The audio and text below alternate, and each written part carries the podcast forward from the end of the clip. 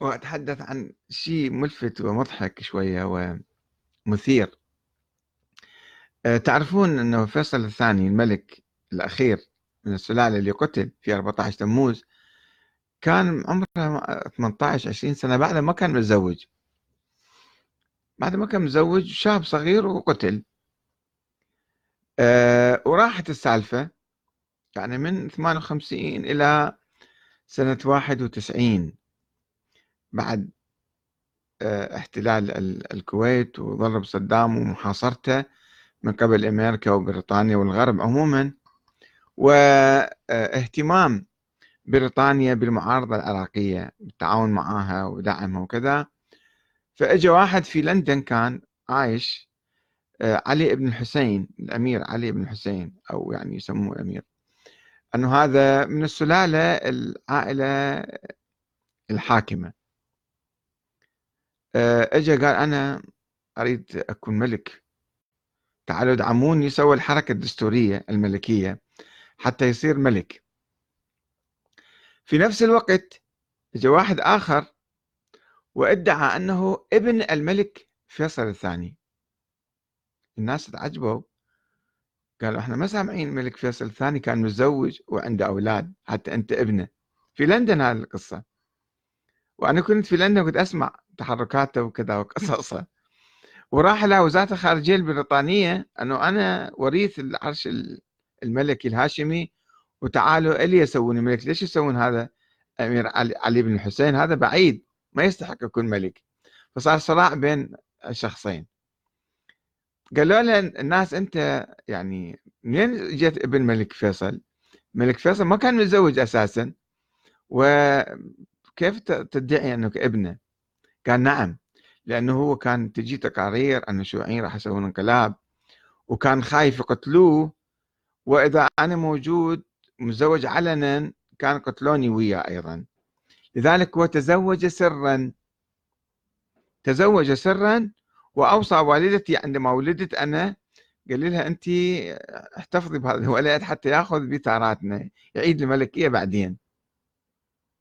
طيب وهذه أخفته. أخفته 30 40 سنة وبعدين آه اجى طلع صار شاب كبير بده يطالب بالعرش. طبعا هو شخص موجود مو شخص وهمي شخص حقيقي يدعي. يعني أنا ابن الملك فيصل. تقبلون ما تقبلون ذاك بحث آخر ولكن هو شخص موجود. وهذه القصة مالته محتملة. يمكن واحد يتزوج بالسر صاير كثير سواء بالحلال ولا بالحرام. يمكن واحد عنده ولد وهذا يعني ما حد ما يعرف به فيروح يسوي فحص دي إن اي أو كذا حتى أو يجيب شهود حتى يثبت أنه ابن فلان ابن فلان. آه هذه القصة في الحقيقة تذكرنا بقصة طبعا هذا الاحتمال صحيح وارد ولكنه مو ثابت ولا أحد يستطيع أن يثبته ولو أردنا أن نعيد الملكية للعراق ما يمكن نجيب هذا الشخص منو منو عرفك منو شافك؟ افترض هناك دعايات أنه أكو ناس شايفيه. هو طفل صغير. لما يكبر من يقول هذا أنت فلان اللي كنت طفل صغير ذيك الأيام؟ فهذه القصة أنا كنت أبحث في موضوع الإمام المهدي وكنت أسمع القصة. يعني سنة 91 92 هو كان نشط في لندن ويتحدث ويدافع ويطالب. بالعرش أبيه الملك فيصل الثاني. فذكرتني بقصة الإمام المهدي محمد بن حسن العسكري. الحسن العسكري ما كان متزوج وما كان يقول أنا عندي أولاد وأهل البيت يعني أخواته أعمامه خالاته كذا ما حد ما يعرف أنه هذا عنده ولد. وهو شاب عمره 25 26 سنة توفى. يقال كان عنده جواري. أنه رايح يعني بعدين جارية ادعت أنه هو كان نايم وياي وأنا حامل من عنده. طيب استبرؤوها انتظروا حتى يشوفون أعراض الحمل عليها. الخليفة المعتمد كان ذيك الأيام شاف ماكو شيء. وهذه ما يعني لأنه لو كانت حامل كان يمكن تتحرر هي من تركته من الإرث ماله يسموها أم ولد. فادعت الحمل وما صار شيء ما تبين راحت. فكيف يمكن نحن نصدق يعني احتمال أن الحسن العسكري عنده ولد بالسر احتمال.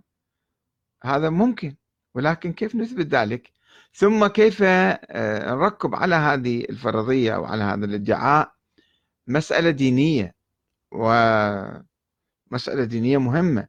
نقول أن هذا هو الإمام المعين من قبل الله تعالى والمعصوم المهدي المنتظر الصفات كلها نقوم نجيبها ونحطها على هذا الشخص اللي محل نقاش أو جدل أو أو شك أو أو نفي من قبل أهل البيت ومن قبل عامة الشيعة وعامة المسلمين. فالمنطق الباطني يلعب أحيانا يلعب دور لكي يحقق أهداف سياسية. ولكن الإسلام والتشيع والسيرة العقلائية لا تقوم على المنطق الباطني. أنه والله أكو احتمال بالسر هذا عنده ولد. ما يمكن إحنا نقبل بهكذا فرضيات أو هكذا خيالات أو هكذا أساطير. لأن هذا الدين لازم يكون واضح كوضوح الشمس. ما يمكن إحنا نقبل شيء يعني آه، ملعوب أو مشكوك فيه أو كذا ونعتمد عليه ونقاتل الناس بعدين على هاي الشغلة. وهذه الشغلة اللي صارت بتاريخ الاثنى عشريه لأنه هذا الإمام الثاني عشر اعتبروه وركبوا عليه أحاديث الاثنى عشريه فصارت الفرقة الاثنى عشريه في القرن الرابع الهجري. أكو قصة أخرى مشابهة حدثت في منتصف القرن الثاني الهجري يعني قبل حوالي 100 سنة من آه، قصة الحسن العسكري وابنه المدعى وهو محمد ابن عبد الله الأفطح. الإمام الصادق كان يتحدث عن الإمامة وأوصى إلى ابنه إسماعيل فمات إسماعيل في حياته. قال له منو بعد إسماعيل سكت؟ قال ما تشوفون يا اللي يصير مكاني أكبر أولادي كذا اللي جالس مجلسي. فأجوا لقوا عبد الله الأفطح هو أكبر أولاد الإمام الصادق يسموه أبو عبد الله. أبو عبد الله عبد الله الأفطح هذا ادعى أنه هو إمام. قال أنا وريث أبويا وجالس مجلسه وتقبل التعازي. فعامة الشيعة راحوا إلى عبد الله الأفطاح. عامة الشيعة. ما عدا بعض الفرق الصغيرة مثل الإسماعيلية أو الناووسية أو كذا اللي راحوا قالوا الإمام صادق ما ميت أصلا. ف ولكن هذا عبد الله الأفطح صار إمام. ثم بعد سبعين يوم توفى بسرعة بعد أبوه. وما كان عنده ولد. فهنا أيضا وقعوا في حيرة آه، أنه لازم الإمامة تستمر. واحد بعد واحد في الأعقاب وأعقاب الأعقاب هكذا أبدا إلى يوم القيامة. وشلون هذا عبد الله ما عنده ولد؟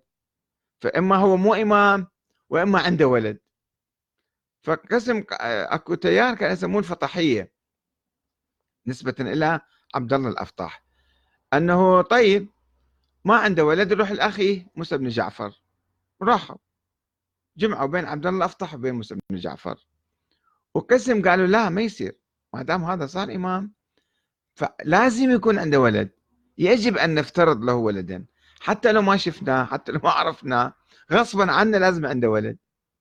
واسمه محمد. وقاموا ينسجون حكايات وأساطير على هذا الولد. أنه هذا أخفاه. عبد الله عنده ولد بس كان خايف من السلطة العباسية أن تقتله فأخفاه في السر ولد في السر وغيبه في اليمن عند الشيعة هناك باليمن. وهذا موجود وسوف يظهر وسوف يخرج بعد أما قريب وهو الإمام وهو سوف يعني يتولى الإمامة. الشيعة البقية الاثنى عشرية أو الموسوية كان ينفون يقولون مو معقولة بالسر إحنا نقبل إمام موجود. وهذا مجرد اختراع واحد مخترعه وادعاء باطل. ما عنده أي مستندات وبلا أي دليل. وما حد ما شايفه. شلون هذا الإمام اللي ما حد ما شايفه الآن أو سابقا ويجي بعدين يقول أنا إمام. شلون نثبت أن هذا ابن فلان؟ فمشاكل يعني آه، جوهرية. آه، نفس الشيء حدث